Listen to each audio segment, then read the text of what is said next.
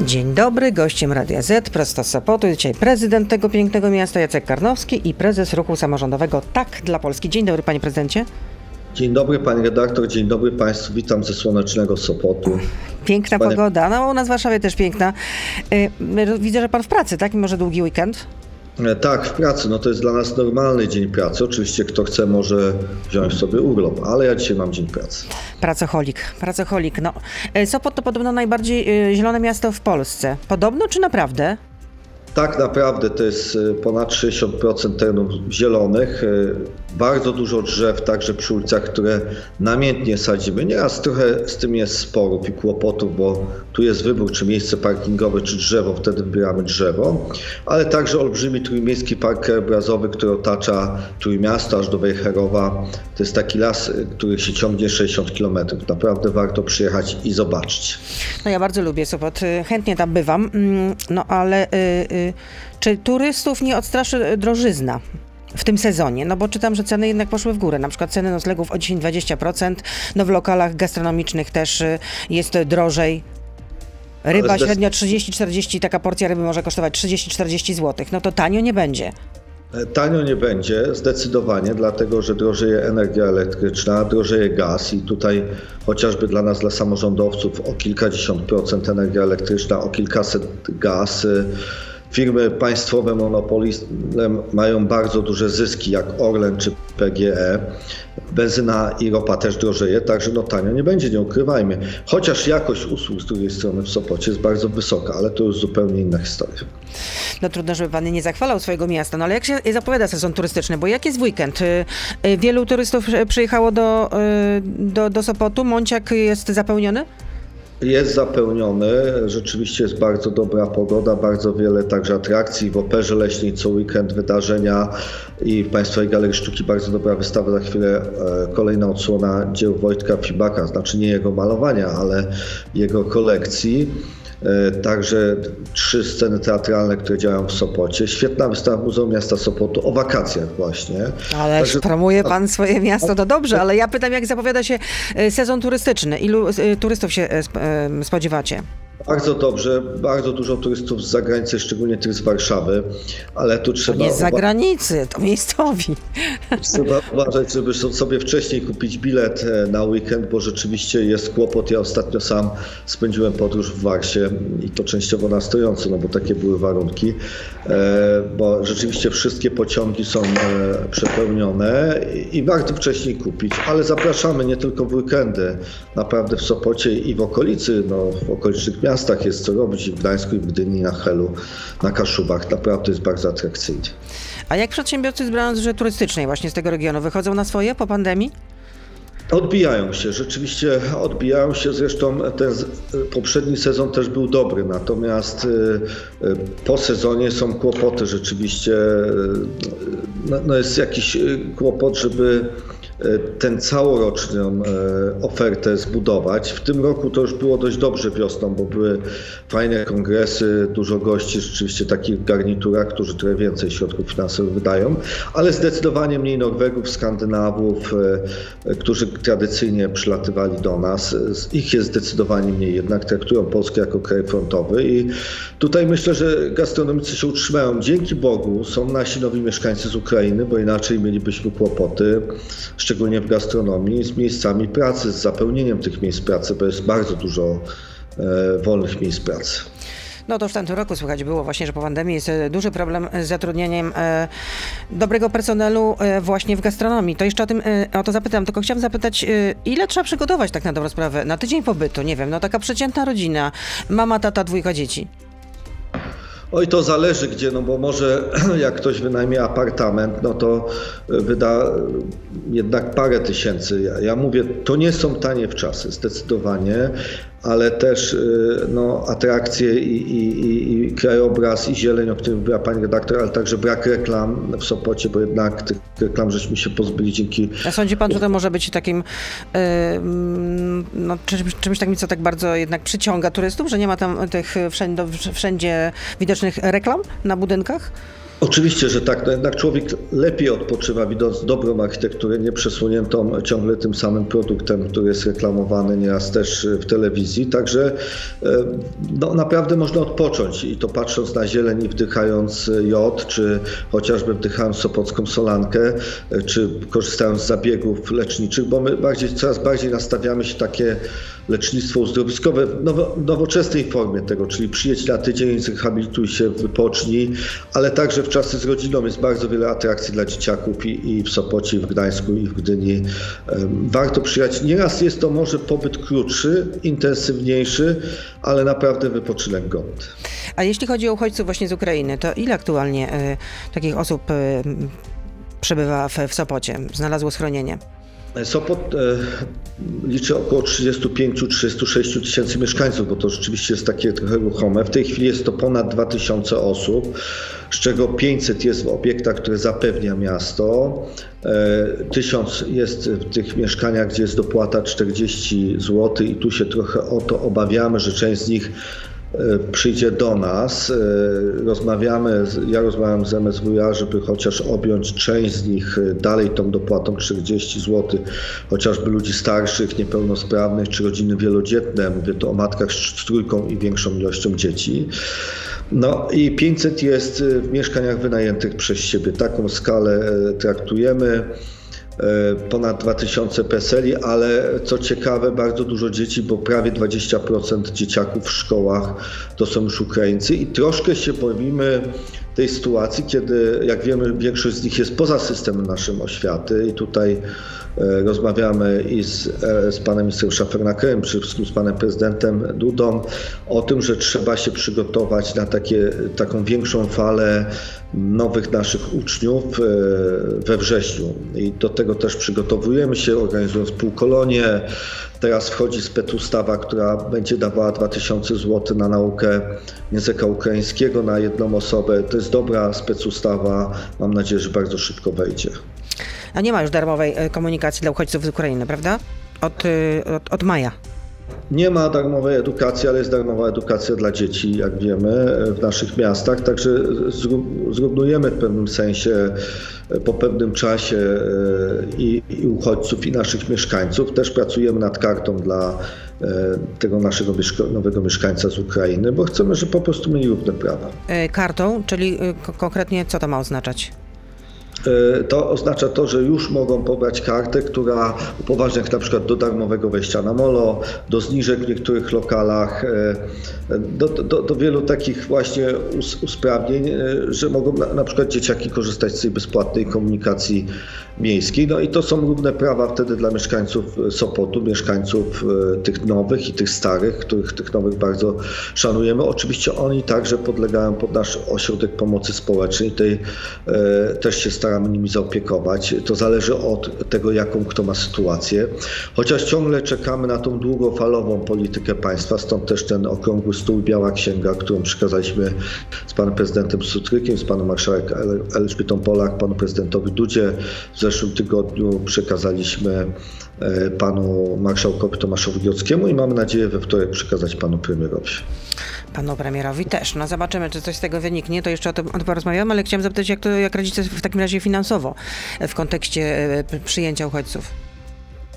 No, samorządy sobie radzą coraz gorzej, bo mają coraz, w ogóle coraz gorszą sytuację finansową. Jak wiemy, wszelkie nowe łady w cudzysłowie łady oczywiście, i wszystkie inne e, rzeczy zabrały bardzo dużo dochodów samorządom i my jak w Sopocie sobie radzimy, ale są już samorządy w Polsce i o nich musimy pamiętać, które mają naprawdę bardzo ciężką sytuację finansową i e, tutaj nie dopominam się tylko o środki finansowe dla mieszkańców Sopotu, ale także dla mieszkańców innych gmin, gdzie trzeba im pomóc i żeby pomóc naszym e, nowym mieszkańcom z Ukrainy, na przykład w szkoleniach języka ukraińskiego, chociaż to na szczęście po, po ponad 100 dniach wojny wchodzi już e, do, jako bezpłatna reguła w państwie, wejdzie.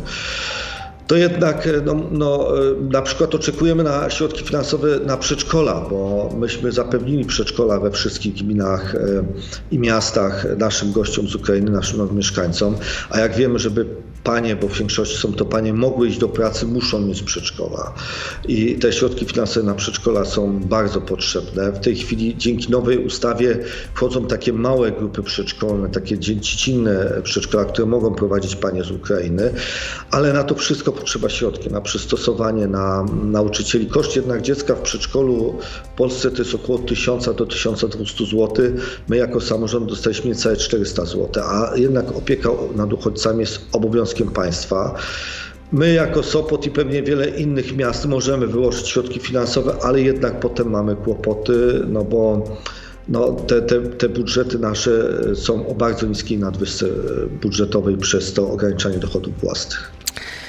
Prezydenci Francji, mm, prezydent Francji, kanclerz Niemiec, także premier Włoch byli, jak wiadomo, w Ukrainie. Czy to jest przełom, czy próba ratowania wizerunku? Zmienię temat, ale to otóż zapytam w części internetowej. Jacek Karnowski z nami zostaje. Jesteśmy na Facebooku, na Rady ZPL, na YouTube, więc proszę zostać z nami. Beata Lubecka. Zapraszam. To jest gość Radia Z. Gościem Radia Z, przypomnę, jest Jacek Karnowski, prezydent Sopotu i prezes ruchu samorządowego Tak dla Polski. Panie prezydencie, zadałam właśnie to pytanie, czy ta wizyta y, unijnych przywódców to jest y, autentyczny przełom, czy jednak y, przede wszystkim próba ratowania wizerunku? No bo ta wizyta odbyła się, no, Ponad, ponad 100 dni od momentu rozpoczęcia tej wojny, od napaści Rosji na Ukrainę. No, jako pierwsi pojechali tam przecież liderzy premier Morawiecki, prezes Kaczyński, także e, liderzy e, Czech, e, Słowenii. Ale zacznijmy tutaj od geopolityki albo europolityki. Jednak Francja i leży troszkę dalej i Włochy niż Polska, Czechy, Słowacja, Finlandia, Litwa, Łotwa. Ale co to ma za znaczenie, skoro to są państwa, które chcą być wiodące w Unii Europejskiej i są wiodące w Unii Europejskiej. To są liderzy absolutni.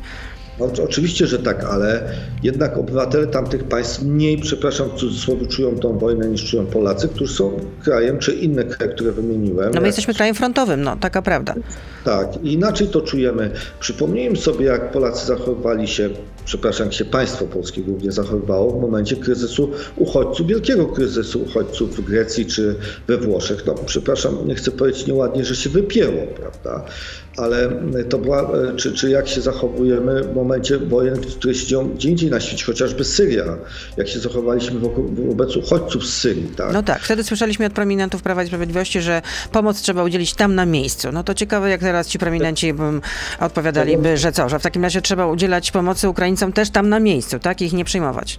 Oczywiście no, to, to były karygodne i są karygodne słowa, ale niestety musimy to dorównać do tej sytuacji, że w momencie, kiedy Polsce zależy, a nam szczególnie zależy, Litwie, Łotwie, na tym, żeby Ukraina się obroniła, żeby e, była silna, no to w tym momencie to my powinniśmy przekonywać naszych sojuszników z Unii Europejskiej, a nie lżyć, opluwać.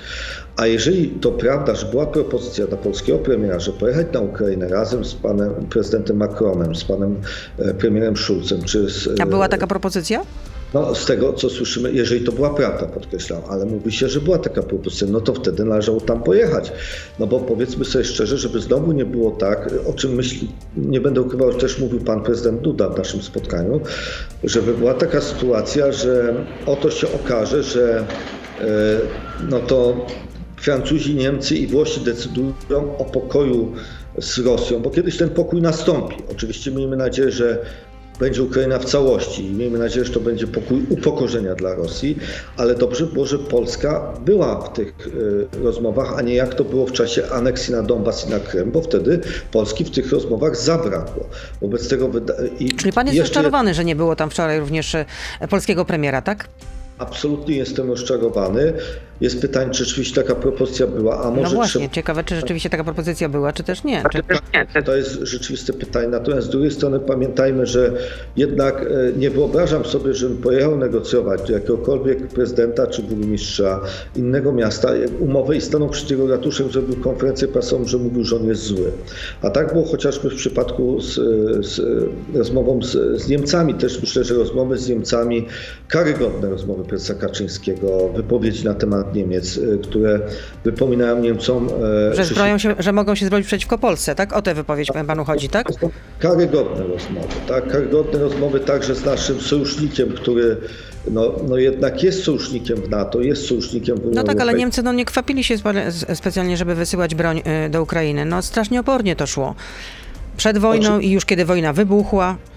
Oczywiście, że opornie to szło i oczywiście. No poza tym że... no, pytanie, no, czy naprawdę trzeba tak często dzwonić do Putina? Bo przecież dzwonili i, i, i przede wszystkim prezydent Macron i przede no i także kanclerz e, Olaf Scholz. Ale, ale, zobaczmy sobie, że nasza dyplomacja polega przede wszystkim na dobrych stosunkach z Węgrami, dobrych stosunkach z panią Le Pen, a i tu nie przeszkadzało nikomu, że tam były pieniądze pożyczone z Rosji na kampanię e, dla pani Le Pen w poprzedniej Dlatego, kampanii. że ona nie mogła pożyczyć u siebie w kraju, nikt jej nie chciał kredytować. Ale to pani redaktor, y, no to, a co pani redaktor pożyczyła z banku rosyjskiego pieniądze? Nie, nie. No nie, on też nie pożyczył, także wydaje się, że tutaj ewidentnie standardy moralne i też y, no jednak Unia Europejska jest naszym najważniejszym sojusznikiem. Stany Zjednoczone niezmiernie ważnym i Wielka Brytania. No przede wszystkim to Stany Zjednoczone tutaj można powiedzieć, że są tym kołem zamachowym. No bez stan- y, kołem zamachowym bez Stanów Zjednoczonych to, to właściwie no można powiedzieć, że Europa jest trochę bezradna, czy też sprawiała wrażenie, przynajmniej na początku, no, że tutaj nadziei nie ma. No. No, nie no, Stany Zjednoczone y, y, były i są tak, tym liderem pomocy. Jest, no my też, my też. Sta, e, e, przepraszam, Ukrainy do Unii Europejskiej, a nie do NATO, prawda? Do NATO jest to bardzo odległa perspektywa, chociaż życzyłbym Ukrainie, żeby została przyjęta do NATO. Pierwszym krokiem jest przyłączenie do Unii Europejskiej, ale naprawdę to należy przekonywać swoich sojuszników o tym, a nie ich straszyć i zerwać więzi z Orbanem, który niszczy demokrację, bo powiedzmy sobie szczerze, że y, no możemy y, sami też y, niszcząc praworządność i demokrację nad przyjęciem Ukrainy do Unii Europejskiej dobrze nie pracujemy. No już y, y, mówi się, że, mm, że wiele wskazuje, że mimo tej życzliwości, którą okazano Zełenskiemu, jeśli chodzi o, tych, y, o tę trójkę przywódców europejskich, no to może za zamkniętymi drzwiami to mogli już namawiać Zełenskiego, by w najbliższych miesiącach rozpoczął negocjacje z Rosją i dążył do porozumienia pokojowego. Ja sobie tego nie wyobrażam, także z punktu widzenia wewnętrznej sytuacji na Ukrainie. Pamiętajmy, że tam za jakiś czas będą wybory i e, jednak nie należy, my jako Polacy wiemy, że nie należy odpuszczać e, Rosji i dlatego szkoda, że tam tych, że naszych przedstawicieli, naszego rządu czy pana prezydenta nie było przy tych kuluarowych rozmowach na Ukrainie. To potwierdza pani redaktor to, co mówiłem. No ale prezydent był wcześniej, był dwukrotnie. No, wspomniałam o tym, że, że jako pierwsi pojechali tam e, przedstawiciele polskiego rządu, więc y, no, można powiedzieć, że byliśmy w awangardzie tak na dobrą sprawę. Teraz premier e, Morawiecki na Twitterze pyta, pisze tak, no bo też były zastrzeżenia ze strony y, niektórych polityków opozycji, mm, koalicji obywatelskiej i y, Morawiecki pisze tak, gdy pojechaliśmy jako pierwsi do ostrzeliwanego Kijowa, mówili, że niepotrzebnie. Gdy przeprowadziliśmy konsultacje międzyrządowe, mówili, że bez sensu. Gdy trzy miesiące po naszej wizycie pojechali inni, pytają, dlaczego nas nie ma. Nasza kochana opozycja znów przegrała w walce z logiką, tak napisał Mateusz e, Morawiecki. E, Pani redaktor, dobrze było, że pan premier jednak odpowiadał na pytania, które się mu zadaje. Tak samo w przypadku swoich e, obligacji, które kupił, tak samo w sprawie pobytu na Ukrainę, a nie mówił co innego. Nie przypominam sobie, żeby opozycja negowała pobyt pana prezydenta na Ukrainie. Wprost przeciwnie, ja sam, przepraszam, to jest skromnym człowiekiem, prezydentem niewielkiego miasta, choć bardzo ładnego. Gratulowałem panu prezydentowi odwagi i pobytu w Kijowie. Ja się odważyłem pojechać tylko do Lwowa z panem prezydentem Gdańskim, z panem prezydentem Gdyni. Do Kijowa miałbym duże wątpliwości, żeby pojechać, a pan prezydent był tam dwukrotnie i wielki szacunek. Też szacunek dla pana premiera, że tam był, chociaż oczywiście pewne propozycje należy może wcześniej uzgadniać sojusznikami i z Unią Europejską, której jesteśmy członkiem, bo cały czas y, nasz rząd zachowuje się jakby była jakaś nie wiadomo gdzieś jakaś Bruksela i gdybyśmy my współ nie zarządzali tą Brukselą. My współzarządzamy Unią Europejską. My jesteśmy członkami Unii Europejskiej, my się składamy na budżet Unii Europejskiej i my ten budżet wydajemy. Unia Europejska to jesteśmy my a nie jakaś tam Bruksela i Węgry i Polska. O tym nie mówimy. Ja też sobie nie przypominam, rzeczywiście była krytyka wobec wypowiedzi pana prezesa Kaczyńskiego, pana wicepremiera, natomiast ja sobie krytyki specjalnej co do pobytu pana premiera Morawieckiego Kijowie nie przypominam szczerze. No pojawiały się takie, takie mm, też opinie, że no, pojechali tam i nie wiadomo właściwie kogo reprezentowali, nie, nie pojechali z żadną konkretną propozycją, no po prostu taka trochę sztuka dla sztuki, a e, moim zdaniem taki gest był bardzo ważny akurat w tym momencie. Zgadzam się z panem redaktorem, jeżeli ktoś mówił i krytykował, to, to, to dość niemądrze robił. Myśmy też pojechali do Lwowa, był to przede wszystkim gest dla Andrzeja Sydowego, naszego kolegi i też wsparcie potem poszło konkretne dla szpitali ukraińskich. Myśmy też zawarli przez internet jako Sopot porozumienie, umowę o współpracy z miastem Ackerman, do czego przygotowywaliśmy się od trzech lat i teraz zrobiliśmy tak, że pan burmistrz podpisywał to w Ackermanie, ja podpisywałem w Sopocie, mieliśmy łącze internetowe. Pierwsza taka umowa i trzy dni temu poszedł chyba już piąty transport leków i żywności do Ackermanu. E, I to jest bardzo ważna pomoc, e, która jest. I my jako Polacy też tą pomoc pamiętamy. I też wizyta pana premiera i pana prezydenta na pewno była ważną tam wizytą. Pamiętajmy też, że dwa dni przed, właściwie chyba trzy przed wybuchem konfliktu, pan prezydent Trzaskowski także był w Kijowie. Też można powiedzieć, że to była symboliczna podróż, a jednak bardzo ważna. I pan, na przykład pan prezydent Poruszenko był w Sopocie parę dni temu. E, no też wiadomo, że był, żeby przekonywać nas do pomocy Ukrainie i to jest świetny przykład pokazania jedności ukraińskiej na, na arenie międzynarodowej. Szkoda, że tej jedności nie umiemy budować w Polsce, ale to taka budowa jedności powinna zawsze zacząć się od rządzących, którzy nie powinni dzielić w tak ważnych sprawach, tylko łączyć. Czyli Pana zdaniem rządzący dzielą w tych ważnych sprawach, jeśli chodzi o pomoc dla Ukrainy? No dzielą, bo na początku było powiedziane, żeby jak. Ale dzielą. E, rozumiem, i na, na arenie międzynarodowej, głównie tutaj w ramach Unii Europejskiej i również na scenie tutaj naszej, tak? No, Wewnętrznych no, sporach, no, tak? No niestety tak, bo chociażby e, sprawa próby centralizacji pomocy dla Ukrainy poprzez Agencję e, Rezerw Materiałowych, to im się nie udało. E, pan prezydent Rzeszowa, pan prezydent Hełma, zresztą z, ze strony Prawa i Sprawiedliwości, czy pan prezydent e, e Przemyśla lepiej zorganizowali te huby przerzutowe do Ukrainy, czy także przyjęcie uchodźców, tak? To też była próba centralizacji. Potem dopiero e, stworzono wspólny zespół, z czego się bardzo cieszę, rządowo-samorządowy, którym razem z panem ministrem Szafernakerem akurat przewodniczymy, że wspólnie... Pełnomocnikiem do spraw uchodźców z Ukrainy. Tak. I muszę powiedzieć, że ta współpraca układa się dobrze. Szkoda tylko, że tam gdzieś tylnymi drzwiami nagle się jakiś hit wprowadza w Ministerstwie Oświaty, kiedy naprawdę mamy co robić y, z naszymi nowymi uczniami z Ukrainy. I tutaj myślę, że ta powinniśmy na, temat, na tym polu ukraińskim współpracować, a nie się dzielić. No, jeśli chodzi o hit, czyli historię teraźniejszość, to już zapowiedzi były dużo, dużo wcześniej. Tutaj pan minister Czarnek jest konsekwentny do bólu, można powiedzieć. Jak się uparł, to to, to zrobi. Ja myślę, że, to pan, jest Lex Czarnek 2.0 również, tak?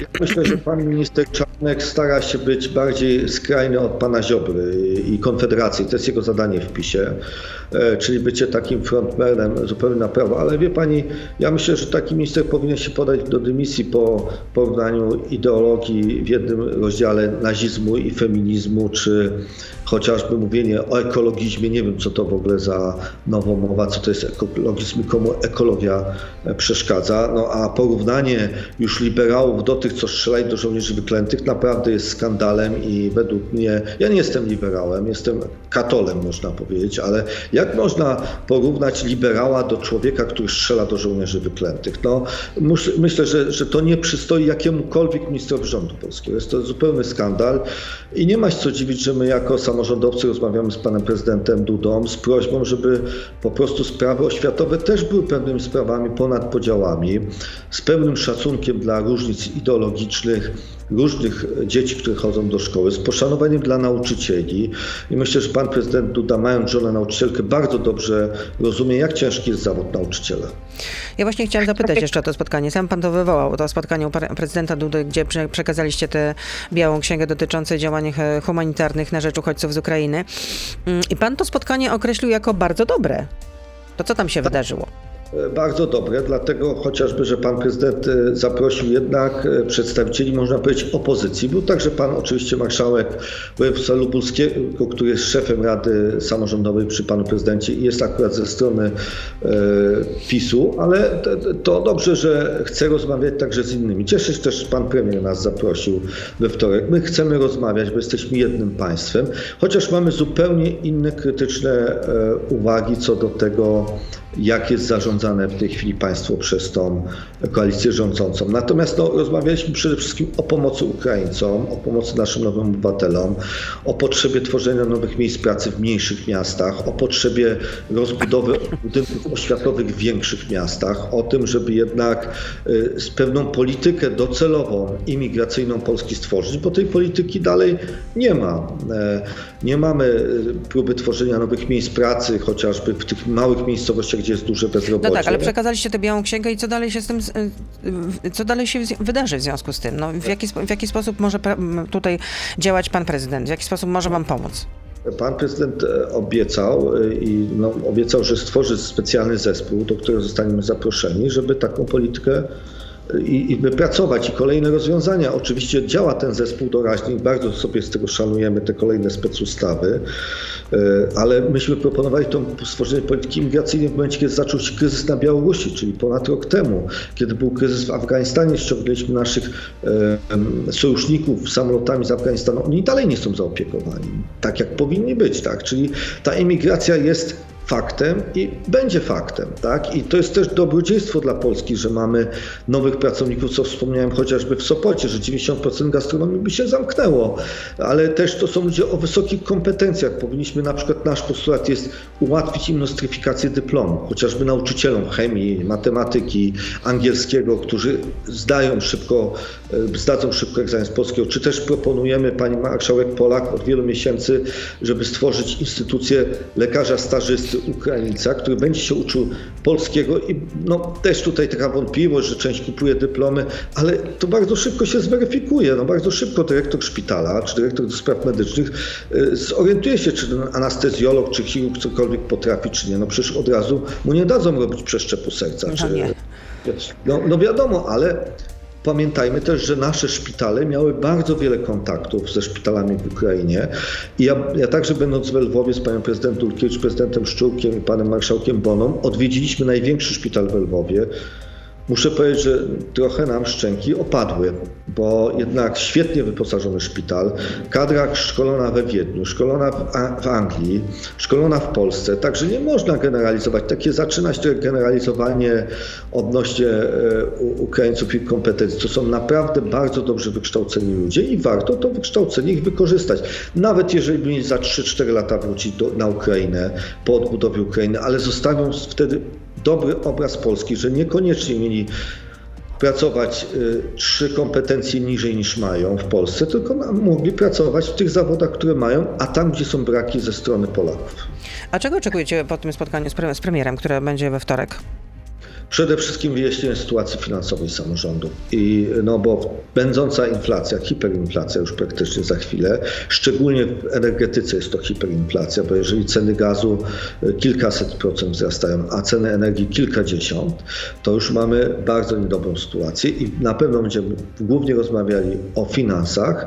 E, I tutaj też pan prezydent Sutry w tym spotkaniu z panem prezydentem Dudą poświęcił bardzo dużo czasu tej sprawie finansów. Ale czego byście oczekiwali, jeśli chodzi właśnie o pomoc My, finansową? Mobilizowania dochodów własnych, bo e, pani redaktor, no każdy z nas woli zarobić środki finansowe niż dostać zapomogę. No każdy człowiek zdrowy i każde miasto zdrowe i gmina woli, żeby tak było, żebyśmy mieli te dochody własne, a nie czekali na zapomogi, na rozdawanie różnych subwencji i na decyzję, że ja składam trzy projekty z Sopotu do rządu i dostaję na projekt X a nie dostaje na Y ani Z. A nie, to nie znaczy, że jak e, postawię gradację pierwszy, drugi, trzeci. No i niestety to jest e, coś, co rzeczywiście psuje e, taką samorządność, prawda? Tak, taką Polskę obywatelską. I my byśmy oczekiwali ustabilizowania dochodów własnych, ustabilizowania subwencji oświatowej, bo ona jest za niska i jest to skrzywdą przede wszystkim dla gmin i dzieci gmin uboższych, bo Gminy, które mogą dopłacić, to dopłacają nauczycielom, dają dodatki nauczycielom, dają dodatkowe zajęcia, a te, które nie mogą, niestety nie dają. Wobec tego byśmy z tej stabilizacji subwencji oświatowej też oczekiwali. Oczekiwalibyśmy też środków na, po, na zieloną energię, na poprawę ochrony środowiska. To zostało scentralizowane i zabrane e, samorządom, czy też wpływu na służbę zdrowia, większego na rozdział środków finansowych na służbę zdrowia. Zresztą to jest w naszych postulatach samorządowych, które jako samorządy tak, samorządowe tak dla Polski, żeśmy złożyli liderom opozycji, pod którymi się podpisali. No, PO deklaruje, że jak zwycięży następnych, w następnych wyborach parlamentarnych, to cały PIT będzie wędrował do, do samorządów. To by, po, to by poprawiło waszą sytuację mocno? To poprawi naszą sytuację mocno, e, bo zdecydowanie e, tak już około połowę tego PIT-u nam zabrano, ale na pewno też jeszcze będzie potrzeba wspomożenia e, gmin mniejszych, tych uboższych, tam gdzie niestety PIT płaci 3-4, nieraz 5 osób, czyli wójt pewnie, no, nie, ksiądz proboszcz to nie pamiętam czy płaci czy nie, ale może jest właściwie jakieś firmy, wicewójt i tak dalej i nieraz nikt więcej. Wobec tego tam ta stabilizacja musi wyglądać troszkę inaczej. Być może my też mówimy o pewnych wpływach VAT-u. No, no tutaj w to nie wierzymy, ale ten cały PIT, o czym mówi także już Lewica, od, e, także PSL już się skłania do dania nam wyższego PIT-u i e, także ruch 2050 pana Szymona Hołowni, no to są dobre perspektywy, tylko myśmy po to podpisali to porozumienie, żeby mieć pewność tego, żeby nie było po tym, że po roku ktoś powie, a zapomniałem i stąd też to nasze porozumienie mówi o 365 dniach, w których mają liderzy opozycji zapewnić nam, że to nam dadzą. Myśmy się z tym też zwracali do rządu. Niestety nie było żadnej reakcji, reakcji nawet żeśmy poprosili panią marszałek Witek o spotkanie. Kiedyś nie, dostali, nie dostąpiliśmy tego zaszczytu. No trudno, widać jest bardzo zajęta. No ale teraz spotykacie się z premierem, więc będzie okazja, żeby o tym porozmawiać. Są jeszcze pytania od słuchaczy. Sebastian pyta, czy dobrym sposobem na rozwiązanie zimnej wojny między Donaldem Tuskiem a Rafałem Trzaskowskim będzie znalezienie nowego, nieoczywistego kandydata na prezydenta RP? Na przykład byłby nim e, Wojciech Szczurek, prezydent Gdyni. To bardzo ciekawa postać. Ja bym rzeczywiście trzymał e, kciuki za e, Wojtkiem, Szczurkiem i za, i za każdym dobrym kandydatem, ale myślę, że przepraszam Wojtka, e, Rafał Trzaskowski na pewno jest lepiej do tej funkcji w tej chwili przygotowany. Chociaż muszę powiedzieć, pani redaktor mnie bardzo zaskoczyła trzymałbym kciuki także za Wojtkiem. Ja powiem szczerze, bym pracował tak jak pracowałem w kampanii Rafała Trzaskowskiego, czy gdyby to był Szymon Hołownia, Robert Biedroń, czy gdyby, gdyby to był Władysław Kośniak-Kamysz. Tego zabrakło opozycji. Takiej wszystkie ręce na pokład. Trochę wszyscy, no brak porozumienia między tymi czterema ugrupowaniami przy tych wyborach parlamentarnych. Nie winię tu tylko tych trzech, ale także Platformę. Dał się we znaki. Szkoda. A te ostatnie wypowiedzi pana prezydenta Warszawy nie zaszkodzą mu? Nie zostaną bardzo zapamiętane? Na pewno były niefortunne. Dobrze, że bardzo szybko e, za nie przeprosił i, i, i, to też świadczy o klasie, że e, nie musi nikt mu kazać przepraszać, nikt nie musi mówić, że go będzie odwoływał, tylko po prostu się zreflektował i przeprosił. Wojciech pyta, czy walce o ewentualne miejsce na listach do Sejmu bądź Senatu nie przeszkadza panu fakt, że realnie jest pan w stanie zagwarantować sobie głosy małego miasteczka i to nie całego? Czy to nie osłabia e, pana pozycji w oczach kolegów? Ale jakie miasto? Prawda? Bo kiedyś. No jak, chyba Sopot. Ja, ja, ale jakie mówię dlatego? Jakie? Piękne, prawda? Piękne, no zielone, jak słyszymy. No. tak. Ale ceny, ale ceny nieruchomości też po prostu za metr za, za mieszkanie, no to na rynku pierwotnym, znaczy metr y, mieszkań, znaczy ceny mieszkań po prostu są po prostu zawrotne. No to Sopot jest teraz na pierwszym miejscu. 21 tysięcy kosztuje metr mieszkania. Dlatego budujemy mieszkania komunalne. Szok, po prostu szok. No, budujemy mieszkania komunalne, żeby zapewnić mieszkania młodym naszym małżeństwom, bo rozumiemy, że na rynku sobie tego nie kupią. Natomiast popatrzmy też, jaką wielką wartość mają mieszkańcy Sopotu, prawda, jaką mają własność. Ale jak pan premier, e, przepraszam, pan premier Buzek robił reformę samorządową, wprowadzał powiaty grodzkie i przedtem jeszcze pani premier Surocka, to było mówione, że jest kilkadziesiąt miast dużych i dwa ładne. To było Świnoujście i Sopot. Także to jest bardzo ważne. Ma pan się przymierza do tego, żeby startować do, do Sejmu? Jeszcze półtorej roku czasu zobaczymy, co będzie. Ja e, wielokrotnie mówiłem, że. No jeszcze wybory mogą zostać przesunięte samorządowe e, na rok 2024. No to jest psucie państwa, zdecydowanie psucie państwa, bo będą się pokrywały z europejskimi i tego nikt nie przeszkadza. Po prostu PiS boi się przegrać te wybory, a one by były jako pierwsze. Natomiast powiem tak, jeżeli będzie jedna lista do Sejmu, jeżeli, czy dwie listy maksimum, to wielu samorządowców wesprze te listy. Jak będą trzy, to niestety zostaje nam pojechać na wakacje e, i ten czas urlopowy spędzić nie w czasie kampanii wyborczej, tylko po prostu na wakacjach, bo to nie ma sensu. Także mam nadzieję na refleksję liderów opozycji. Oczywiście nie teraz, to pewnie się musi zdarzyć wiosną, bo ja nie wierzę we wcześniejsze wybory. Myślę, że PiS zrobi wszystko, żeby utrzymać się u władzy. No, ostatnio tutaj gościem Radia był Marek Sawicki z PSL-u i mówił, że jego zdaniem to Szymon Hołownia wystartuje samodzielnie na przykład. Ja myślę, I że, że mogą być nie, wtedy trzy listy wyborcze. Bardzo szanuję pana Marka Sawickiego, ale to niedobrze, jak liderzy opozycji zajmują się samym sobie.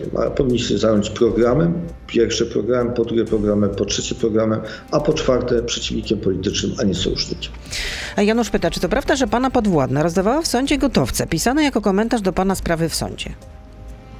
E, Pani redaktor, e, ale co to znaczy gotowce? Jeżeli ktoś Nie wiem, to gotowce, no rozumiem, że jakieś e, rezime na tego, te- na, e, które miały pana stawiać w dobrym świetle, no jak, tak, tak, to, tak to rozumiem, ale e, ja dokładnie nie wiem, o to chodzi. redaktor, ja nie będę ukrywał, że każdy w sądzie ma prawo przed pytaniami do niego powiedzieć własne zdanie, czyli oświadczenie wydać.